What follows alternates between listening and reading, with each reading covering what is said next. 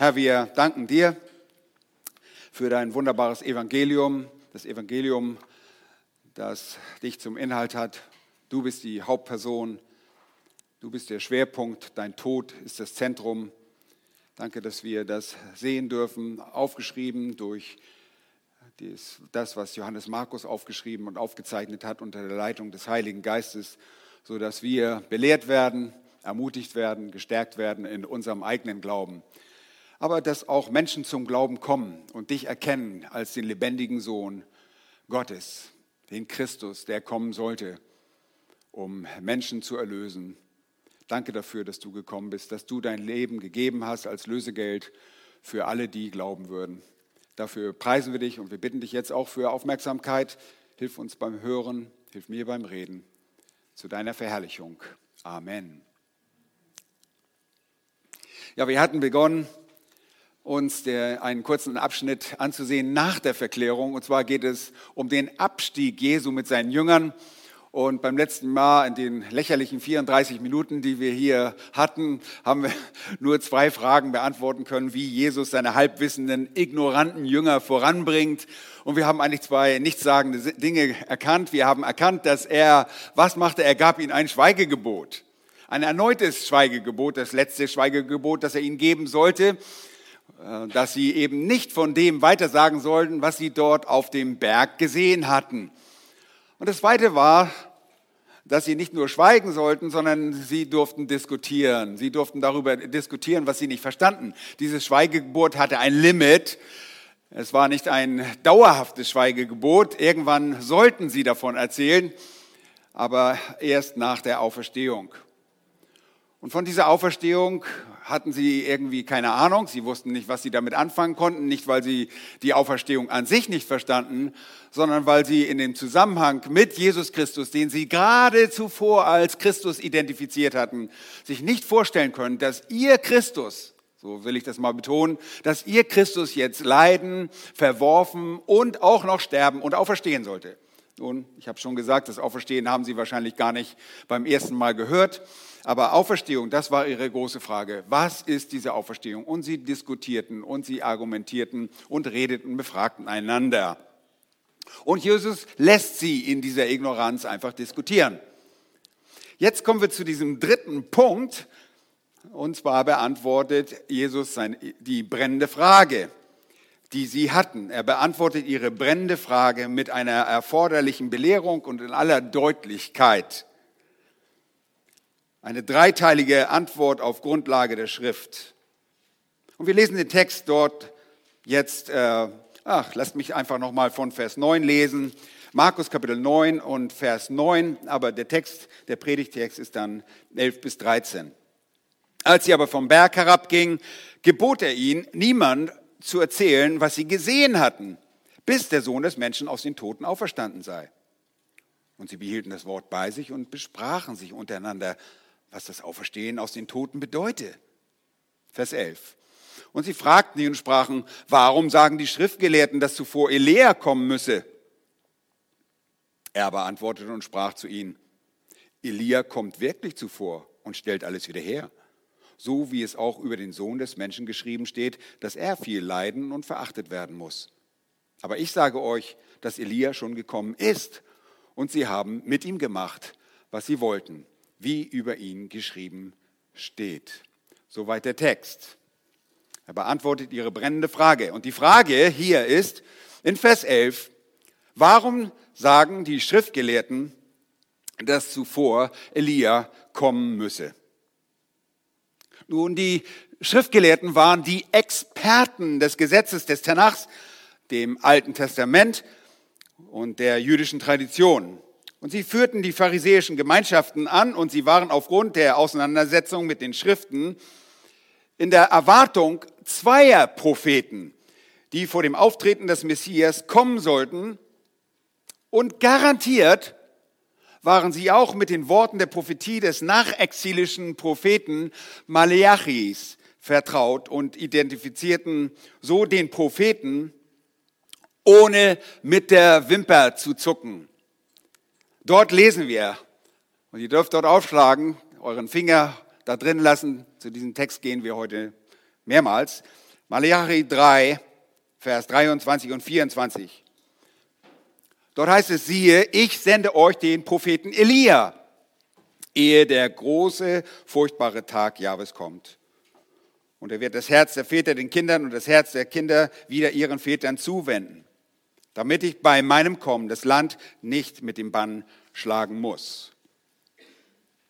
Nun, das Verständnis der Schriftgelehrten von dieser Schriftstelle im Buche Malachi zusammen mit der fünften Nachtvision Zacharias in Zachariah Kapitel 4 und den dort auftretenden zwei Ölbäumen oder auch Söhnen des Öls führte zu ihrer Lehrauffassung, dass sie Elias kommen vor dem großen und furchtbaren Tag Jahwes einordneten. Nun bei der zweiten Person waren sie sich nicht einig.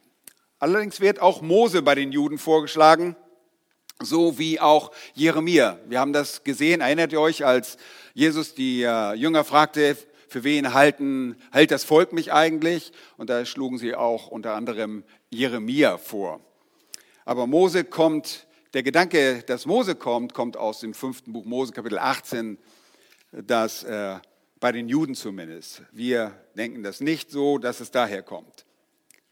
Sie verknüpften in der Erwartung des Kommen des Messias mit dem Ereignis des schrecklichen Tag Jahwes. Und darin liegt auch kein Fehler. Selbst wenn wir das heute tun, sie hatten ein anderes, größeres Problem. Denn sie sahen nur ein einmaliges Kommen Jahwes, des Messias. Sie hatten nur ein Verständnis von einem einmaligen Auftreten des Messias. Und die Schriftgelehrten verkündeten also, dass der Messias bisher nicht gekommen sein konnte, da ja Elia noch nicht aufgetreten sei. Beim einmaligen Auftreten des Messias wäre das korrekt, aber sie täuschen sich gewaltig. Aber dass sie die Dinge so lehrten, zielt jetzt auch die Frage der Jünger genau darauf ab, warum sagen die Schriftgelehrten, dass zuvor Elia kommen müsse. Irgendwie passte das Ganze für sie, für die Jünger nicht zusammen. Gerade noch waren diese drei auserwählten Jünger des engeren Jüngerkreises, Petrus, Jakobus und Johannes, mit den in Malachi erwähnten Männern zusammengetroffen. Sie hatten Mose und Elia getroffen auf diesem heiligen Berg. Sie sind ihnen tatsächlich begegnet. Und das war auf eine übernatürliche Art und Weise geschehen. Aber das waren diese großen Männer des Alten Testaments. Und möglicherweise hat ihre Erscheinung auf dem Berg die Hoffnung der Jünger auf den naheliegenden Beginn des Reiches angefacht und jetzt diese Frage ausgelöst. Und wir erinnern uns, sie bekamen eine Vorschau auf die Herrlichkeit des Reiches, in dem der Herr Jesus der Christus sich in seiner göttlichen Natur offenbarte. Lest noch einmal dort Markus 9 und Vers 1. Ähm, ja, da sagt er, und er sprach zu ihnen, wahrlich, ich sage euch, es sind einige unter denen, die hier stehen, die den Tod nicht schmecken werden, bis sie das Reich Gottes in Kraft haben kommen sehen. Nun, sie hatten, diese drei hatten das Privileg, das Reich Gottes in Kraft kommen zu sehen. Auch wenn es nur eine Vorschau war. Sie konnten die Herrlichkeit sehen und sollten damit verstehen, dass diese Herrlichkeit nur über Leid, über Verwerfung und Tod durch die Auferstehung erreicht werden sollte. Und sie konnten die Herrlichkeit aller anwesenden Personen sehen, also nicht nur die Herrlichkeit Jesu, sie sollten die Herrlichkeit aller Personen von Mose und auch von Elia sehen. Aber das Reich sollte nicht beginnen. Und sie hatten auch keine volle Kenntnis über die Lehre des Reiches. Und wir sehen, dass Jesus sie belehrt in Bezug auf das Reich. Selbst nach seiner Auferstehung macht er das vor seiner Himmelfahrt, belehrt er sie immer noch über das Reich Gottes. Da sind sie immer noch voller Fragen bezüglich des Reiches Gottes. Das Reich Gottes konnte nicht ohne das Leid und die Verwerfung, die Tötung und Auferstehung des Christus, es konnte nicht in Kraft kommen. Es sollte zuvor Leid und Tod geschehen. Und es war eine Vorschau, was sie sahen und nicht der Startschuss, den die Jünger so sehr herbei wünschten für das Reich Gottes. Und sie waren in dieser Hinsicht und auf das Reich Gottes noch so unbelehrt und besitzen zu diesem Zeitpunkt nur, wie sagte ich, Halbwissen, sind ignorant in Bezug auf Dinge, die der Errichtung des Reiches Gottes vorausgehen mussten. Sie verstanden nicht den Tod des Christus und die Auferstehung und wollen jetzt ihre brennende Frage loswerden. Nun, sie konnten sich nicht direkt an Elia wenden. Da hätten sie ein bisschen schneller sein müssen. Sie waren einfach so überwältigt, als sie da den Elia sahen. Da haben sie bestimmt nicht dran gedacht, denn der war wieder verschwunden. Sie waren jetzt auf dem Rückweg, dem Abstieg zu den übrigen neun Jüngern. Sie mussten die Gelegenheit jetzt nutzen, denn sie sollten von dem Ereignis auf dem Berg in der Gegend von Caesarea Philippi, dort in Trachonitis, sollten sie nicht reden, bis eben zu dem Tag der Auferstehung des Christus. Nun, er, der Herr Jesus Christus gibt postwendend die Antwort.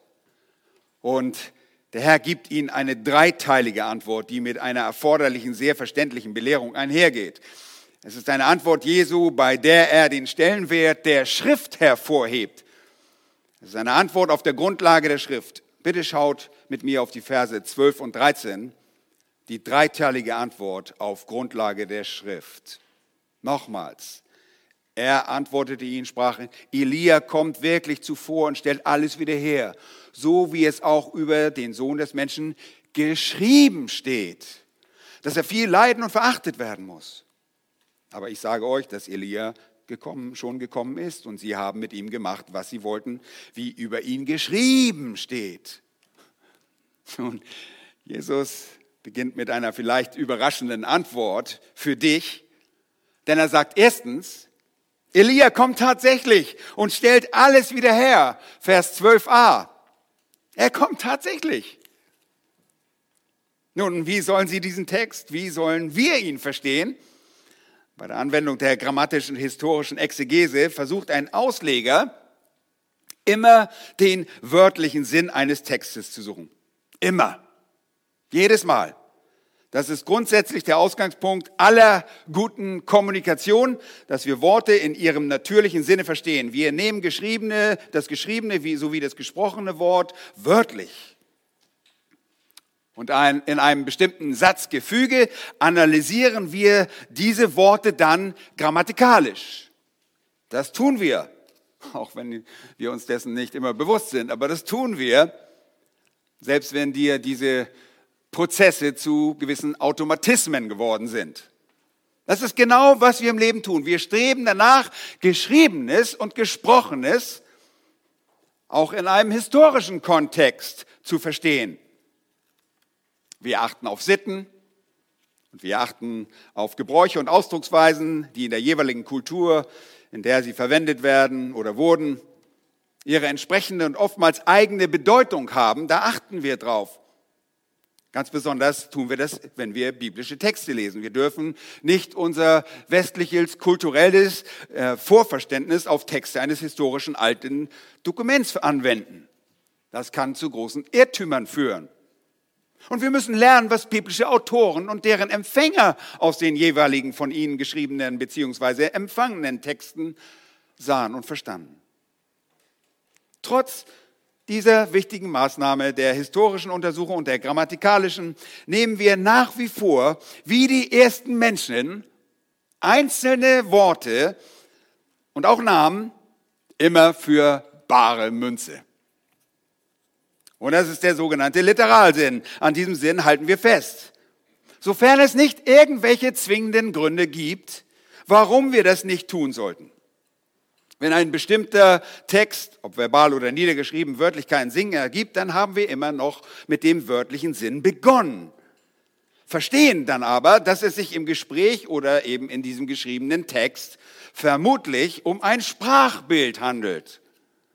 Wir suchen dann die Sprachfigur zu finden oder die Redewendung oder die, ja, die Metapher, die Symbolik, die hinter einem Wort oder einer Wortkombination sich verbirgt. Lieben, der Zusammenhang macht oft ganz klar, wie etwas zu verstehen ist. Dort im Zusammenhang werden einzelne Worte dann zu Begriffen. Hier an dieser Stelle sagt Jesus Folgendes. Elia wird wirklich kommen. Er sagt, dass Elia wirklich kommen wird. Und das ist nicht schwer zu verstehen. Und wir müssen dafür nicht mal ein langes kulturelles Studium machen, um hinter den Sinn dieser Wortkombination zu kommen. Hier wird gewöhnliche Sprache verwendet und ein gewöhnliches Verständnis vorausgesetzt. Jesus benutzt zum Unterstreichen der Realität von Elias kommen den Partikel, den griechischen Partikel men. Und zwar vor dem Verb kommen. Und das bedeutet nichts anderes. Elia wird tatsächlich, er wird wirklich, er wird in der Tat, er wird real kommen. Das bedeutet diese Hinzufügung dieser drei kleinen griechischen Buchstaben. Aber damit nicht genug. Nicht nur wird Elia tatsächlich kommen, sondern Jesus fügt der Bestätigung seines Kommens noch einen temporalen, also einen zeitlichen, sowie einen Hinweis des Zwecks hinzu.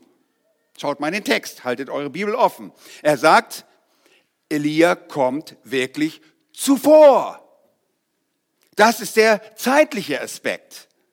Er benutzt dafür das Adverb Proton. Zuerst, vorher, davor. Zweitens fügt Jesus hinzu und sagt, und stellt alles wieder her. Und Jesus weist damit auf den Zweck des Kommens. Er spricht davon, warum Elia kommen wird.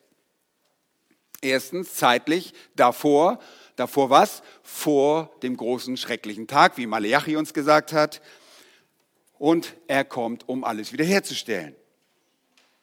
Um vor allem die beiden Aspekte Zeit und Zweck in diesem Zusammenhang zu verstehen, müssen wir noch ein bisschen weiter in der Schrift graben. Zu einem vollen Verständnis kommen wir, wenn wir zunächst realisieren, dass der Prophet Elia zu diesem Zeitpunkt bereits wo ist? Beim Herrn. Er ist beim Herrn. Der ist nicht mehr auf der Erde. Er wurde in einem Sturmwind zu Gott in den Himmel aufgenommen. Nachzulesen in 2. Könige Kapitel 2. Und gerade noch, wahrscheinlich war es in der Nacht vor dem Abstieg, war er, Elia, mit Jesus in der Herrlichkeitsvorschau des Reiches aufgetreten. Also, er lebt nicht mehr hier auf Erden, Elia ist nicht mehr auf der Erde, er ist beim Herrn und das haben die Jünger, die drei zumindest, sehen dürfen. Zudem lehrt die Schrift ferner das Kommen Elias, was zusätzlich durch die Aussage des Propheten Maleachi deutlich zu sehen ist. Wir lesen das in Maleachi 3. Nochmals, guckt mal da genau hin, in diesen Abschnitt. Da heißt es, siehe, ich sende euch den Propheten Elia, ehe der große, furchtbare Tag Jahres kommt. Also wir erfahren in dieser Textstelle einen anderen Aspekt des Kommens. Und es handelt sich bei dem Kommen des Propheten Elia um eine Sendung. Er kommt also nicht aus freier Entscheidung, aus Eigeninitiative, sondern Elia folgt einem Auftrag. Und der Sprecher diese Textstelle in Maleachi ist gleichzeitig die sendende Person. Ist das Maleachi? Nein. Maleachi ist nur der Schreiber Gottes. Gott redet hier selbst. Schaut einmal euch Maleachi 3, Vers 19 und Vers 21 an und achtet auch auf den ganzen Inhalt, nicht nur darauf, wer dort spricht. Da heißt es Vers 19, in einigen Bibeln ist das vielleicht auch Kapitel 4, Vers 1, da gibt es unterschiedliche Aufteilungen, aber in den meisten ist es Kapitel 3, Vers 19. Denn siehe, der Tag kommt brennend wie ein Ofen. Da werden alle Übermütigen und alle, die gesetzlos handeln, wie Stoppeln sein. Und der kommende Tag wird sie verbrennen, spricht Jahwe Zebaoth oder Herr der Heerscharen, sodass ihnen weder Wurzel noch Zweig übrig bleibt. Wer spricht da? Hier spricht Jahwe Zebaoth, Jahwe der Heerscharen, der absolute Souveräne, der alle Heerscharen, ob es irdische oder himmlische Heerscharen sind, er hat die absolute Kontrolle. Er spricht hier. Vers 21. Und ihr werdet die Gesetzlosen, das sind die Frommen, die jetzt angesprochen werden zwischendurch, denn sie werden wie Asche sein unter euren Füßen an dem Tag, den ich machen werde, spricht Jahwe Zebaoth. Wer spricht hier? Habt ihr das mitgekriegt? Jahwe selbst, Gott selbst, der drei eine Gott spricht hier selbst. Hier beschreibt Jahwe selbst seinen großen Tag und er beinhaltet das Gericht, Furcht und Schrecken, als auch den Segen, Freude und Sieg. Und so geht es in dem dritten Kapitel von Malachi weiter mit dem Reden Jahwes, wenn wir zu den Versen 23 und 24 kommen. Wir sehen das an den verwendeten Fürwörtern dort, die sogenannten äh, Besitzanzeigen, die Possessivpronomen wie mein und dein. Er sagt mein, sowie der Verwendung des Personalpronoms, erste Person Singular, ich. Er spricht von weiter, er ist der Redner hier. Natürlich guckt man genau hinein in diesen Text und stellt fest, oh, ich sende euch den Propheten, also Jahwe, ehe der große furchtbare Tag Jahwes kommt, also mein Tag. Und natürlich hat man im Laufe der Geschichte nach einer Erfüllung der dort gemachten Prophetien gesucht. Dafür durchsuchte man die Schriften, und im Christentum im Besonderen das Neue Testament, da Maleachi der letzte alttestamentliche Prophet ist und seine Prophetie auf die Zukunft weist. Die Juden tun das allerdings nicht, denn sie lehnen, wie ihr wisst, das Neue Testament ab.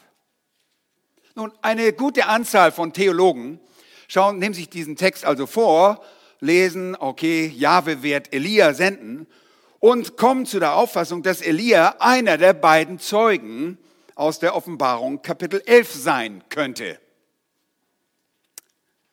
Zum Beispiel Pastor MacArthur, MacArthur, MacArthur, ja, deutsche Aussprache, hat mein Vater immer gesagt, kommentiert zum Beispiel die Verse 5 und 6 in Offenbarung Kapitel 11. In der Offenbarung, dort ist von diesen beiden Zeugen in der Trübsalzeit Israels, in der Drangsal Jakobs, die Rede. Und er kommentiert, Zitat Beginn, er sagt, es ist zwar unmöglich, dogmatische Aussagen über die Identität dieser beiden Zeugen zu treffen, doch mehrere Beobachtungen legen nahe, dass es sich um Mose und Elia handeln könnte. Könnte ist die Möglichkeitsform. Konjunktiv. Also das ist nicht, das ist nicht wirklich so, ist nicht indikativ, ist nicht die Wirklichkeitsform. Es könnte so sein. Und er fährt fort, er sagt, erstens, wie Mose, und wir haben leider nicht die Zeit, durch Offenbarung zu gehen, aber wie Mose, so schlagen sie, das sind die beiden Zeugen, die Erde mit Plagen und wie Elia haben sie die Macht, den Regen zurückzuhalten. Zweitens, die jüdische Überlieferung erwartete, dass in der Zukunft sowohl Mose siehe 5. Mose 18, Verse 15 bis 18, als auch Elia, vergleiche Malachi 3, das haben wir getan, Vers 23 und 24, wiederkommen. Siehe auch Johannes 1, 21. Drittens, Mose und Elia erschienen bei der Verklärung, das haben wir gerade gesehen, die eine Vorschau auf Christi Wiederkunft war. Sowohl Mose als auch Elia, viertens, forderten Mithilfe natürlicher Mittel zur Buße auf. Fünftens, Elia wurde lebendig in den Himmel entrückt und Mose wurde von Gott an einem unbekannten Ort begraben. Und sechstens, die Dürre, die die zwei Zeugen erwirken, ist genauso lang, nämlich dreieinhalb Jahre, vergleiche Vers 3, dort in äh, Offenbarung 11, Vers 3, wie die Dürre, die Elia herabrief. Ihr wisst das noch, in, äh, wird auch Zeit, die Zeit wird erwähnt in Jakobus Kapitel 5. Zitat Ende. Also, es besteht die Möglichkeit und ich habe euch gesagt, Theologen haben diese Aussagen genommen, haben gesucht und gesucht, wo könnte sich das erfüllen, was hier als Prophetie zum einen in Malachi 3, als auch was Jesus sagt, dass er sagt, er wird tatsächlich kommen. Wo könnte sich das erfüllen? Elia wird kommen. Er wird kommen. Und das macht der Text sehr, sehr deutlich. Ob er nun einer der beiden Zeugen aus der Offenbarung sein wird oder nicht, er wird kommen. Nun, Jesus bestätigt offenbar in unserem Text die Auffassung der Schriftgelehrten. Sollten sie etwa Recht gehabt haben, mal Recht gehabt haben, muss man sagen, kommt Elia wirklich zuvor und stellt alles wieder her. Wie genau nun diese Wiederherstellung zu verstehen ist, das können wir nur aus dem Zusammenhang der Ereignisse sehen.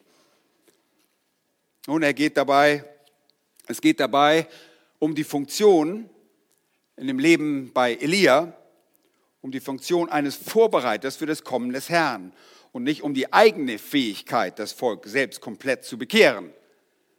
Dennoch, er spricht von einem widerspenstigen Volk, das durch den Dienst dieser Person gottesfürchtig wird. Wisst ihr, was Elia in seinem Leben tat? Genau das. Er stand auf in einem gottlosen Nordreich, in dem ein gottloser König Ahab mit einer Hexe verheiratet war. Und ihr kennt diesen Namen Isabel. Und äh, sie waren Baalsanbeter und Asherah, die Asherah. Und er stand auf für den Gott Israels. Er stand auf für Jahwe. Und er predigte das Wort Gottes. Und er forderte sogar die Propheten des Baals und die Asherah-Propheten heraus. In einem wunderbaren Geschichte dort im Buch der Könige. Nun kommt er tatsächlich zuvor? Ja, er kommt zuvor. Aber welchen Zeitpunkt haben die Schriftgelehrten für das Kommen des Elia vor Augen? Er kommt gemäß ihrer Lehre zu der Zeit, an dem auch der Messias, der Christus, auftreten wird. Und das, ihr Lieben, ist vollkommen korrekt. Aber Sie kommen bei ihrer vermeintlichen Sorgfalt der Schriftauslegung dennoch zu einem fatalen Trugschluss. Denn sie knüpfen an das Kommen des Propheten Elias ein einmaliges Auftreten des Messias. Ein einmaliges. Sie räumen nicht einmal die Möglichkeit an, dass ein zweites Auftreten, ein zweites Kommen des Christus stattfinden könnte. Stattdessen machen sie das zweite Kommen, das zweite Auftreten zu dem einzigen Auftreten. Und weil das so ist, verpassen sie natürlich das erste Kommen des Messias, das Kommen, das sie jetzt erleben und den Messias, den sie jetzt vor ihren Augen haben, der in aller Offenkundigkeit göttliche Werke und Worte äh, Werke tut und Worte spricht, die von dem Messias in dem Tanach auch klar angekündigt werden. Sie hatten zwar die Tatsache der Ankunft des Elia richtig erkannt, aber dabei sehr wichtige Aussagen der Schrift unter den Tisch fallen lassen. Sie hatten die Schrift missachtet, und zwar die Schrift und die Schriften, die das Leiden des Messias bei seinem Kommen vorhersagen. Denn genauso wie sie durch die Schrift, das Wort, den Tanach erkannten, dass der Elia vor dem schrecklichen Gerichtstag Jahwes kommen sollte, vor dem großen Tag Jahwes und vor dessen Gericht, so hätten sie auch die Tatsache erkennen müssen, dass der Christus kommen und leiden würde, denn so steht es geschrieben. Und das war auch das Problem der Jünger. Auch für sie war das Leid, dass sie gerade vor was war das vor acht Tagen, jetzt müssten es neun Tage sein, sie sind im Abstieg, aber neun Tagen erkannt hatten, dass sie erkannt hatten, der Christus ist der Messias, dass sie für den Christus, für ihn, diesen Christus für undenkbar hielten. Zweitens, zweite Teil der Antwort ist, wie Elia kommt, so musste Jesus kommen, viel leiden und verachtet werden. Vers 12b. Da heißt es so, wie es auch über den Sohn des Menschen geschrieben steht. Der erste Teil steht geschrieben, der zweite Teil steht geschrieben, dass er viel leiden und verachtet werden muss. Und Jesus bestätigte mit seinen Worten, dass die Schriftgelehrten in Hinsicht auf Elias kommen richtig lagen, aber dass sie eben an dem zentralen Ereignis der Schrift vollkommen vorbeizielten. Sie hatten eine Teilwahrheit erkannt, über Elia erkannt, aber ihre Gedanken waren verstockt. Und Paulus schreibt, Denn bis zum heutigen Tag bleibt beim Lesen des Alten Testaments diese Decke unaufgedeckt, die in Christus weggetan wird. Das wurde sie bei ihnen nicht. Doch bis zum heutigen Tag liegt diese Decke auf ihrem Herzen, so oft Mose gelesen wird. Sie verstehen das nicht, dass dort von Christus geredet wird. Und sie hatten ein falsches Verständnis von Christus. Und das bereitete ihnen riesige Probleme mit dem Gesamtverständnis der Geheilsgeschichte. Ihre geistliche Blindheit hatte sie für die Wahrheiten der Schrift verblendet oder hatte sie abgestumpft. Und hier geht es nicht nur um ein intellektuelles Erkennen der biblischen Fakten, nein, nur das richtige geistliche Verständnis des gesamten Paketes sollte ihre komplette Lehre über das Kommen des Elia und das Erscheinen des Messias richtigstellen. Aber genau daran haperte es. Sie besaßen ähnlich wie die Jünger nur ein Halbwissen. Aber hört mal gut zu. Sie hatten dieses Halbwissen nicht, weil sie wie die Jünger noch am Lernen waren, sondern weil sie boshaft und im Herzen verstockt waren. Die Jünger, sie würden diese Dinge noch lernen. Die Schriftgelehrten hingegen sollten sie niemals lernen, denn sie waren geistlich verstockt. Sie waren bereits dahingegeben.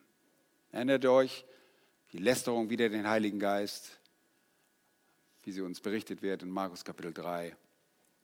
Und Jesus begann aufgrund dieser Tatsache auch in Gleichnissen zu reden, um ihnen die Wahrheiten zu verschleiern, damit sie nicht verstehen würden und nicht zum Glauben kommen würden.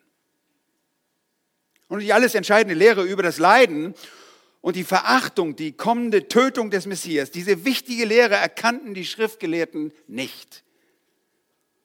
Sie wollten und sollten es auch nicht sehen, obwohl die Leidensankündigung und der Tod des Messias sehr deutlich durch viele Propheten der Heiligen Schrift aufgezeichnet und weit im Voraus angekündigt wurde. Nehmen wir uns nur als Beispiel, und wir nehmen diese Verse sehr gerne aus dem Propheten Jesaja heraus. Jener schreibt in Jesaja 53, dem uns so bekannten Knechtslied, so einschlägige Worte, dass wir gleich erkennen, dass deutlich davon geschrieben steht, was mit dem Messias geschehen würde, was mit dem Knecht Jahwes geschehen würde. Und man denkt, wie kann man das nicht verstehen? Ich erinnere mich vor vielen Jahren, als wir Los Angeles mit unserem Auto auf der einer Straße strandeten und äh, ein jüdisches, altes jüdisches Ehepaar, das 1936 noch aus Berlin flüchten konnte und nun in Los Angeles lebte und uns aufsammelte, weil sie unsere Kinder sahen. Uns hätten sie wahrscheinlich nicht aufgelesen, aber sie hielten an und nahmen uns mit nach Hause, waren sehr gastfreundlich und wir ihnen Jesaja 53 vorgelesen haben. Und sie waren einfach geistlich blind. Sie konnten nichts verstehen. Sie konnten nicht verstehen. Sie konnten nicht eins und eins zusammenzählen, dass dies die Prophetie für den kommenden Messias, den sterbenden, leidenden Knecht sein würden. Und da heißt es, in Jesaja 53, wer hat unserer Verkündigung geglaubt und dem armen Jahwes, wem ist er offenbart worden? Er wuchs auf vor ihm wie ein Schössling, wie ein Wurzelspross aus dürrem Erdreich. Er hatte keine Gestalt und keine Pracht. Wir sahen ihn, aber sein Anblick gefiel uns nicht. Verachtet war und verlassen von den Menschen, ein Mann der Schmerzen und mit Leiden vertraut. Wie einer, vor dem man das Angesicht verbergt, so verachtet war und wir achteten ihn nicht. Für wahr, er hat unsere Krankheit getragen, unsere Schmerzen auf sich geladen. Wir aber hielten ihn für bestraft. Von Gott geschlagen und niedergebeugt doch er wurde um unserer Übertretung willen durchbohrt. Wegen unserer Missetaten zerschlagen.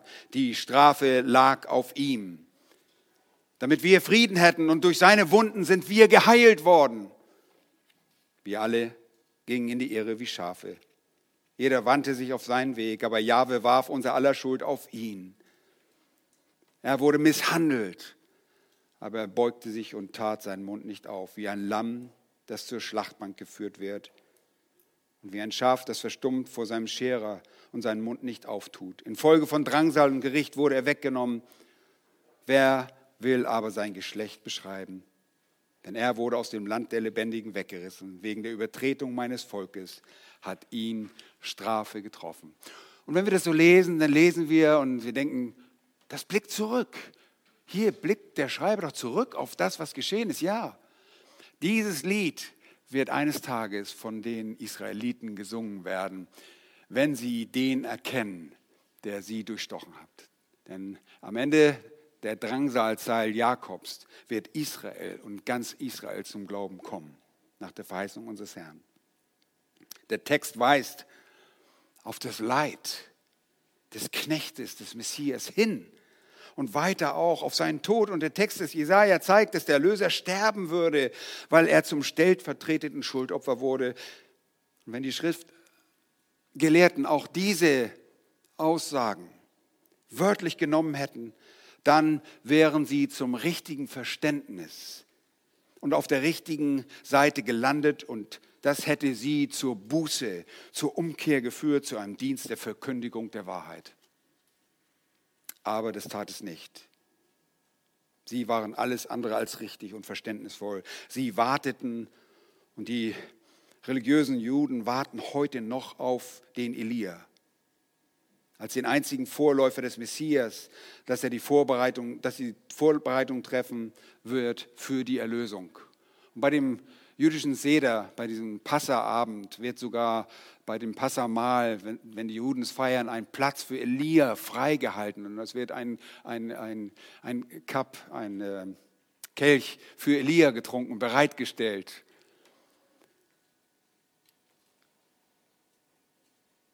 Und weil das so ist, weil sie dieses Verständnis nicht haben, verpassten die Juden auch den ersten Herold seines Kommens, Johannes den Täufer zu dem wir jetzt gleich kommen. Die Juden wurden letztlich zu ihr, durch ihren Ehrglauben und durch äh, die dem Ehrglauben begleitende Bosheit. Es ist nicht nur, dass sie äh, fehlendes Wissen hatten, sondern es war begleitende Bosheit. Sie wurden selbst zu den Verfolgern, sie wurden zu den Peinigern und Mördern des Herrn Jesus Christus. Durch ihre Initiative sollte unser Herr an das Kreuz gehen. Oh, Wunder über Wunder. Wie der Herr der Geschichte diese Ereignisse arrangiert, wie er alles orchestriert, um seine Ziele zu verwirklichen. Das ist von allem am meisten zu bestaunen. Das ist das, der größte Machterweis des lebendigen Gottes, größer als alle seine Heilungen, alle seine Machterweise über die Natur, alle Kontrolle über Dämonen, ist die Kontrolle Gottes in seiner Providenz, der Vorsehung, wo er die natürlichen Ereignisse in der Geschichte dazu benutzt, um seinen ewigen Ratschluss zu verwirklichen. Und das tut er hier. Und dabei hat er und wird er durch das Leid die Herrlichkeit herbeiführen. Und was nach Niederlage aussieht, ist wirklich der Sieg. Das war so im Leben des Herrn und das war so in dem Leben von Mose und Elia und es äh, wird so auch in deinem Leben sein. Nichts wird die Pläne des Allmächtigen, des Pantokrators vereiteln. Und die Jünger sollten es begreifen, dass ihr Meister durch scheinbar widersprüchliches Leid, den Tod und das Auferstehen gehen musste, um in die Herrlichkeit zu gelangen, um Herrlichkeit zu bringen. Sie, die Herrlichkeit, ist nur zu erreichen und zu erkennen, wenn wir durch das Leid gehen. Nur die dritte Teil der Antwort Jesu macht die Belehrung der Jünger perfekt, so dass sie sogar verstehen, dass Jesus zum Schluss seinen Fokus nicht den, äh, zum Schluss nicht den Fokus auf ähm, Elia setzt, sondern auf Johannes, den Täufer. Drittens, die auf Johannes den Täufer angewendete Antwort, Vers 13. Jesus fährt fort und sagt, Vers 13, aber ich sage euch, dass Elia schon gekommen ist. Und sie haben mit ihm gemacht, was sie wollten, wie über ihn geschrieben steht.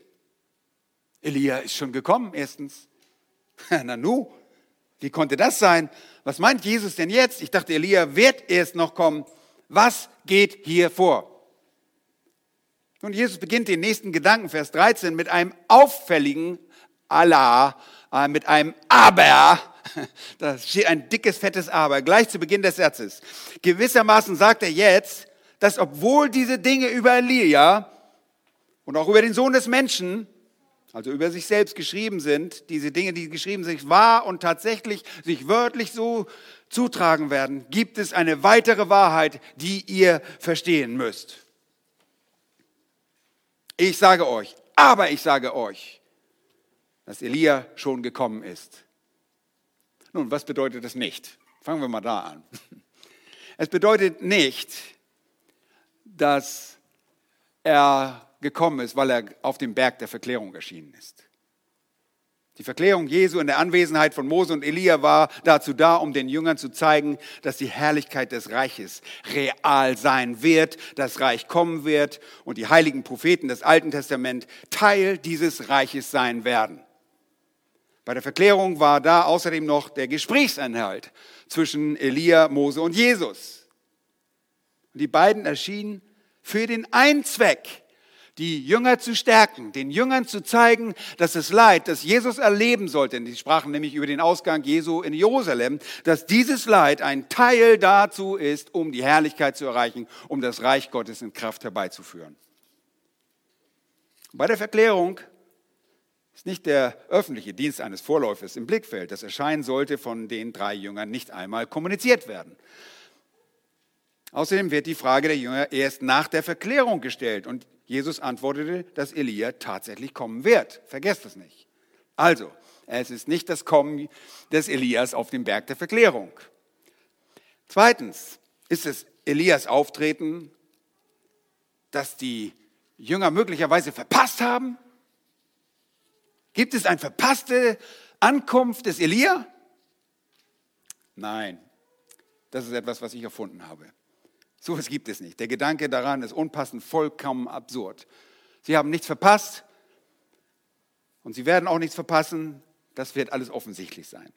Und dann der Gedanke an ein zwischenzeitliches Auftreten, kommen Elias, wurde meines Wissens auch nirgendwo irgendwo erwähnt, von irgendjemandem behauptet. Oder gibt es vielleicht ein Geheimnis, das Jesus jetzt hier lüftet? dass nämlich die Person des Johannes tatsächlich Elia war. Wissen wir etwas, was die anderen nicht wissen? Hm. Hatte Elia sich in die Person des Johannes verwandelt oder Johannes in Elia? Ihr Lieben, auch das ist absoluter Unsinn. Völliger Schwachsinn. Elia ist Elia und als solcher erschien er jetzt auch auf dem Berg an der Seite von Mose und Jesus. Und Johannes ist Johannes und der blieb er auch nach seiner Enthauptung. Aber obwohl wir Elia nicht bei einem zweiten Auftreten auf der Erde gesehen haben und er auch nicht seinen Dienst in der Schrift sehen konnten, sagt Jesus von ihm, dass er bereits gekommen sei. Oh, seid ihr verwirrt? Das darf man für eine Weile. Wie können wir das Problem lösen? Natürlich mit der Schrift. Mit der Schrift. Wir müssen die Schrift nehmen. Die Antwort wollen wir bei der Erörterung vorausnehmen. Jesus hatte mit seiner Aussage in Vers 13 Johannes den Täufer vor, auf, vor Augen. Ja, wo ist denn das in der Schrift? Na gut, ich führe euch dahin. Er meinte Johannes den Täufer. Und das sehen wir in der Schrift. Schlag bitte mit mir Matthäus Kapitel 17, die Verse 11 bis 13 auf. Matthäus 17, die Verse 11 bis 13. Da lesen wir eben diese Worte im Parallelbericht des Matthäus wie wir diese Dinge zu verstehen haben und wie die Jünger sie auch richtig verstanden. Die Belehrung Jesu war so perfekt, so deutlich, dass sie verstanden, dass dieser Elia, von dem er sprach, jetzt Johannes der Täufer ist. Und dort heißt es, die Belehrung Jesu war sehr deutlich also. Und selbst die sonst so langsam lernenden Jünger sind überzeugt und verstehen. Da heißt es, Jesus aber antwortete und sprach zu ihnen, Elia kommt freilich zuvor und wird alles wiederherstellen. Ich aber sage euch, oder sage euch aber, dass Elia schon gekommen ist. Und sie haben ihn nicht anerkannt, sondern mit ihm gemacht, was sie wollten. Ebenso wird auch der Sohn des Menschen von ihnen leiden müssen. Vers 13. Da verstanden die Jünger, dass er zu ihnen von Johannes dem Täufer redete. Ha, schnelle Antwort, oder? Er redete ab Vers 12 nicht mehr von Elia, sondern von Johannes dem Täufer. Und hier bekommen wir also eine sehr hilfreiche Perspektive. der Worte Jesu. Und wir bedanken uns bei Matthäus unter der Leitung des Heiligen Geistes. Vielen Dank. Aber mal ganz langsam. Die zwölf Jünger, und zwar alle zwölf, wussten jetzt eines ganz sicher, dass Jesus der Christus ist, der Sohn des lebendigen Gottes. Haben wir gerade gelesen in Kapitel 8. Und damit unterschieden sie sich von allen verwirrten, ungläubigen Menschen im Volk. Sie unterschieden sich von den religiösen Leitern der Juden, denn sie allein wussten, dass Jesus der Christus, der Sohn des lebendigen Gottes ist. Er war nicht Elia und Jesus war auch nicht Johannes. Er war auch nicht einer der anderen Propheten, so wie Jeremia, wie einige aus dem Volk von Jesus dachten. Die wahre Identität hatte der Vater im Himmel den Jüngern offenbart. Das hat ihn nicht Fleisch und Blut geoffenbart. Und selbst die Jerusalemer Priesterschaft, die Priester und Leviten aus der Partei der Pharisäer, wussten um die wahre Identität von Johannes. Denn ihn mit Elia zu verwechseln, war für sie passé, war vorüber. Denn es gab ein Ereignis, bei dem sich Johannes der Täufer zu seiner Identität äh, sehr deutlich äußerte. Schaut mal in Johannes Kapitel 1, die Verse 19 und folgende. Und da heißt es in Johannes 1, Vers 19 und folgende, und dies ist das Zeugnis des Johannes. Als die Juden von Jerusalem Priester und Leviten sandten, um ihn zu fragen, wer bist du? Und er bekannte es und leugnete nicht, sondern bekannte, ich bin nicht der Christus. Okay, Johannes ist nicht der Christus, das wussten sie. Okay. Und sie fragten ihn, was denn? Bist du Elia? Und er sprach, ich bin's nicht. Bist du der Prophet? Wahrscheinlich der zweite Prophet, den die Juden auch erwarteten, der vielleicht einer dieser beiden Zeugen in der Offenbarung 11 sein würde. Und er antwortete, nein. Also, er ist auch nicht Jeremia und er ist auch nicht Mose. Nun aber sprachen sie ihm, wer bist du denn? damit wir den Antwort geben können, die uns gesandt haben. Was sagst du über dich selbst? Er sprach, ich bin eine Stimme eines Rufenden, die ertönt in der Wüste, ebnet den Weg des Herrn. Erinnert euch, so fängt Markus das Evangelium an. Mit diesen Zitaten. Obwohl es im Markus Evangelium kaum alttestamentliche Zitate gibt, so fängt er an und stellt Johannes den Täufer vor. Wie der Prophet Jesaja gesagt hat, Jesaja 40, diese Verse dort. Die Gesandten hörten aber zu den Pharisäern. Und dann fragten sie ihn und sprachen, warum taufst du denn, wenn du nicht der Christus noch Elia noch der Prophet bist? Johannes antwortete ihnen und sprach, ich taufe mit Wasser, aber mitten euch steht einer, den ihr nicht kennt. Dieser ist, der nach mir kommt, der vor mir gewesen ist, und ich bin nicht würdig, ihm die Schuhriemen zu lösen. Und er gibt ein Zeugnis von dem Sohn Gottes ab. Johannes der Täufer sieht sich also nicht als Elia, obwohl Jesus sagt, Oh, er ist schon gekommen. Und er ist der Elia. Es ist Johannes der Vorläufer, der Wegbereiter des Herrn. Und in der Hinsicht dem Elia ähnlich, denn was wurde von ihm noch einmal gesagt? Erinnert euch, habt ihr noch einen Finger in Malachi 3, 23 und 24? Was haben wir von ihm gelesen? Dass er ein Gesandter sein würde und das Herz der Väter in Vers 24 den Kindern und das Herz der Kinder wieder ihren Vätern zuwenden wird damit Jahwe bei seinem Kommen das Land nicht mit dem Bann schlagen muss. Und nun schaut einmal, was von Johannes dem Täufer gesagt wurde. Und wir lesen dazu von der Geburtsankündigung Johannes des Täufers in Lukas Kapitel 1, die Verse 13 und 14. Sie sind die Worte des Engel Gabriels als er diesem alten Zacharias unterbreitet, dass seine alte Frau Elisabeth schwanger werden würde, um den Vorläufer des Herrn Jesus Johannes zu gebären. Und da lesen wir Lukas Kapitel 1 und Vers 13 folgende. Und da sieht Gabriel und sagt, fürchte dich nicht, Zacharias, denn dein Gebet ist erhört und deine Frau Elisabeth wird dir einen Sohn gebären und du sollst ihm den Namen Johannes geben und er wird dir Freude und Frohlocken bereiten. Und viele werden sich über seine Geburt freuen. Denn er wird groß sein vor dem Herrn. Wein und starkes Getränk wird er nicht tränken. Und mit Heiligem Geist wird er erfüllt werden, schon von Mutterleib an. Und viele von den Kindern Israels wird er dem Herrn, ihrem Gott, zurückführen. Vers 17. Und er, das ist Johannes, wird ihm, dem Herrn, ihrem Gott, vorhergehen. Und zwar wie? Im Geist und in der Kraft Elias, um die Herzen der Väter umzuwenden zu den Kindern und die Ungehorsamen zur Gesinnung der Gerechten und dem Herrn ein zugerüstetes Volk zu bereiten. Seht ihr die Parallelen? Dem Zacharias wurde nicht gesagt, dass er eine Wiedergeburt des Elia zeugen würde, dass sein Sohn der Elia ist, dass dieser im Geist, sondern dass dieser im Geist und in der Kraft des Elias wirken würde. Also ein Vorbereiter, ein, ein Herold des Herrn sein würde. Und er sollte der Vorbereiter sein von einem großen König, dem größten, dem König aller Könige.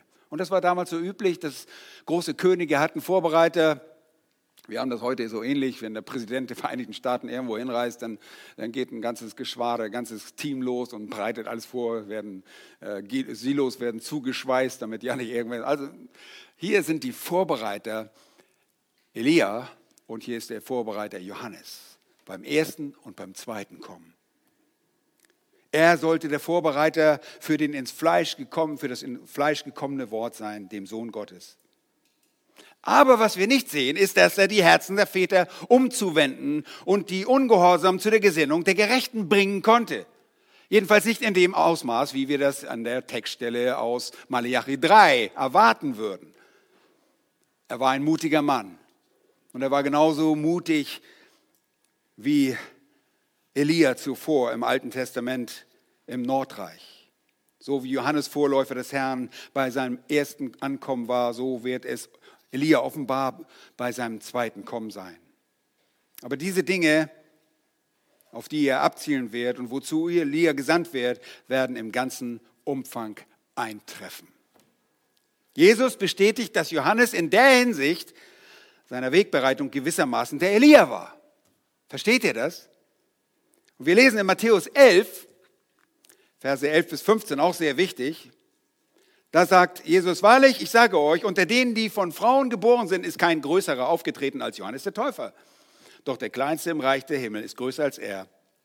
Aber von den Tagen Johannes des Täufers an bis jetzt leidet das Reich Gottes der Himmel Gewalt. Und die, welche Gewalt anwenden, reißen es an sich. Denn alle Propheten und das Gesetz haben geweissagt bis hin zu Johannes. Und wenn ihr es annehmen wollt, er ist der Elia, der kommen soll. Interessant, oder?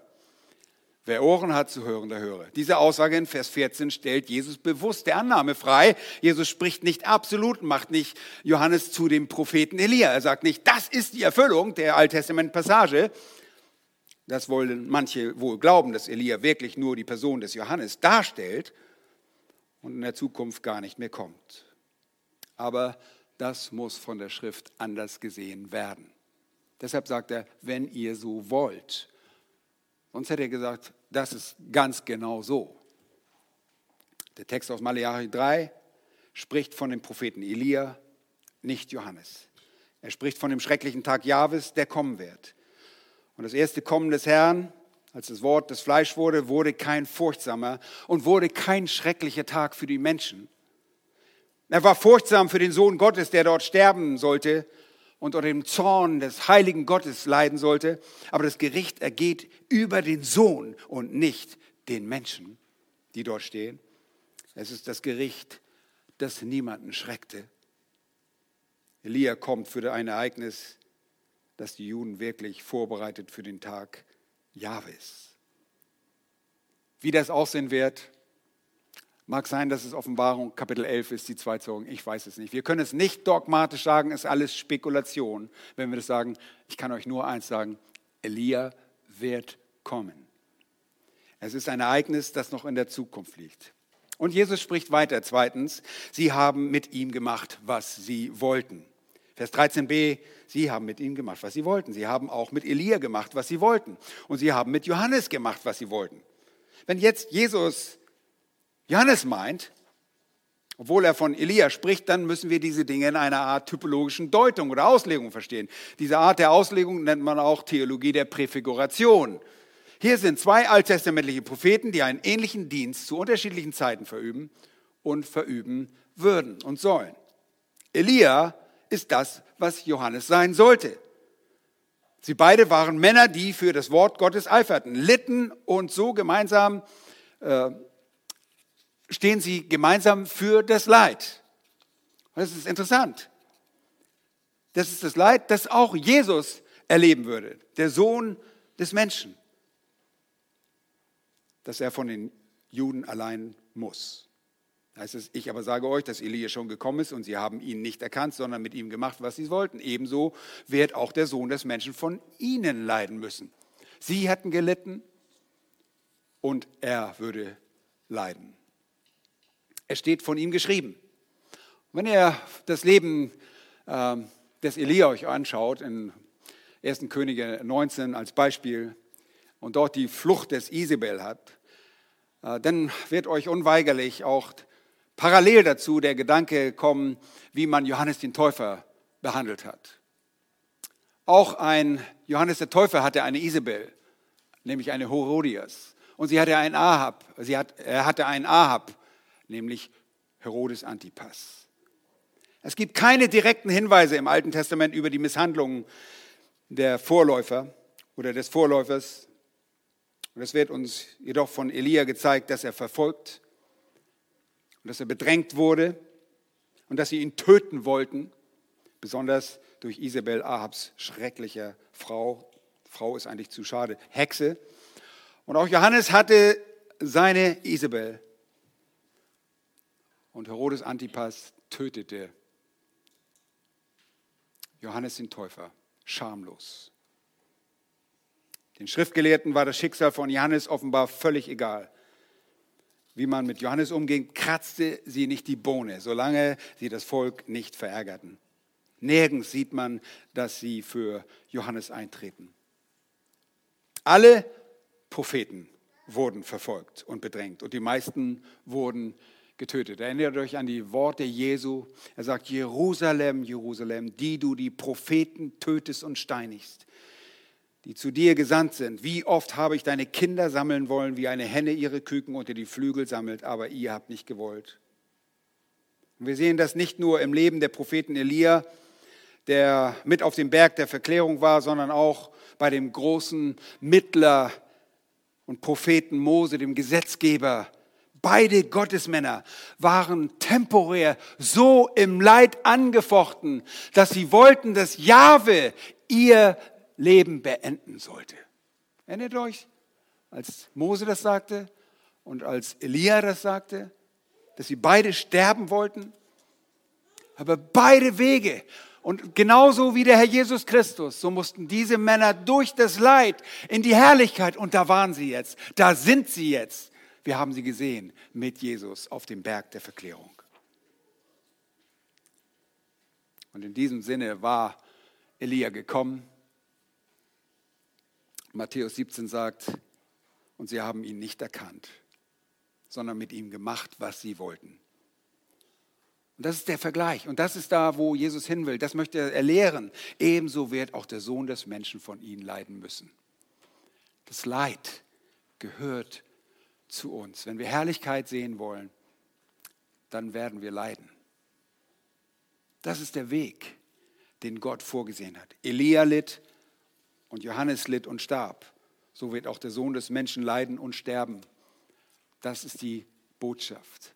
Und wir blicken zurück und sehen, das geschah. Und wir stehen jetzt mittendrin in unserem Leben. Und wir weinen, weil wir eine Maske tragen und leiden, weil wir eine Maske tragen müssen. Und wir denken, oh Backe, ist das das richtige Verhältnis? Was sollen wir? nimmt die Propheten, Jakobus sagt, nimmt die Propheten im Vorbild auf ihre Geduld und das Leid, betrachtet die Propheten, was sie erduldet haben. Und wisst ihr was? Dieses Leid, was immer es sein mag in deinem Leben, immer was du erleiden musst, wenn du es um Christi willen erduldest, es wird dich zu Herrlichkeit führen. Und dann ist alles Leid und alle Schwierigkeiten passé. Und wir werden dieser Dinge nicht mehr gedenken. Und das sollten die Jünger jetzt lernen. Das ist der Weg. Und sie sind langsam. Und Jesus muss sich wiederholen. Und er wird ihn bald auf der Reise durch Galiläa, wird er sagen, ein zweites Mal, ich muss leiden, ich muss sterben. Und dann ein drittes Mal auf dem Weg nach Jerusalem, Kapitel 10. Und dann sagt er ihnen, der Sohn des Menschen ist nicht gekommen, sich bedienen zu lassen, sondern sein Leben zu geben als Lösegeld für viele. Lieben, das ist unser Vorbild. Und es ist einfach wunderbar, wie der Herr Jesus Christus seine Jünger dahin bringt, wo er sie haben will. Und sie werden das verstehen. Und sie werden die Führer und die, die Säulen der Gemeinde, der neuen Gemeinde sein, die in weniger als einem Jahr oder einem halben, die in gut einem halben Jahr entstehen wird. Die Ausgießung des Heiligen Geistes. Und sie werden, besonders Petrus, er wird eine mächtige Predigt halten. Im vollen Verständnis darüber, was dieses Leid ist. Und unter diesem Aspekt macht es sogar Freude, den Petrusbrief durchzulesen, was er gelernt hat.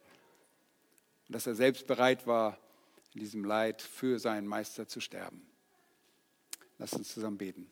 Herr, wir danken dir von ganzem Herzen für deine wunderbare Lehre, dass sie nicht nur unser Kopf befriedigt, unser Wissen, unsere Neugier, sondern dass wir erkennen und ermutigt werden, dass wenn uns Leid begegnet in dieser Welt, um deinetwillen, wenn wir aus Treue, wenn wir dir nachfolgen, wenn wir zu dir stehen, im Leid sind, oder sei es Krankheit, weil wir in einer gefallenen Welt sind, so wissen wir dennoch, dieses Leid ist nicht permanent es ist temporär und es dient uns, die Herrlichkeit noch größer zu machen. Und das erfahrene Leid steht im Verhältnis zu der kommenden Herrlichkeit, die wir erleben werden. Danke dafür, dass du uns das vor Augen gezeichnet hast, durch die Verklärung, dass du schon Mose und Elia bei dir hattest und bei dir hast in der Herrlichkeit, dass sie da angekommen sind, wo sie hin wollten. Herr, lass uns das in dieser kommenden Woche nicht vergessen.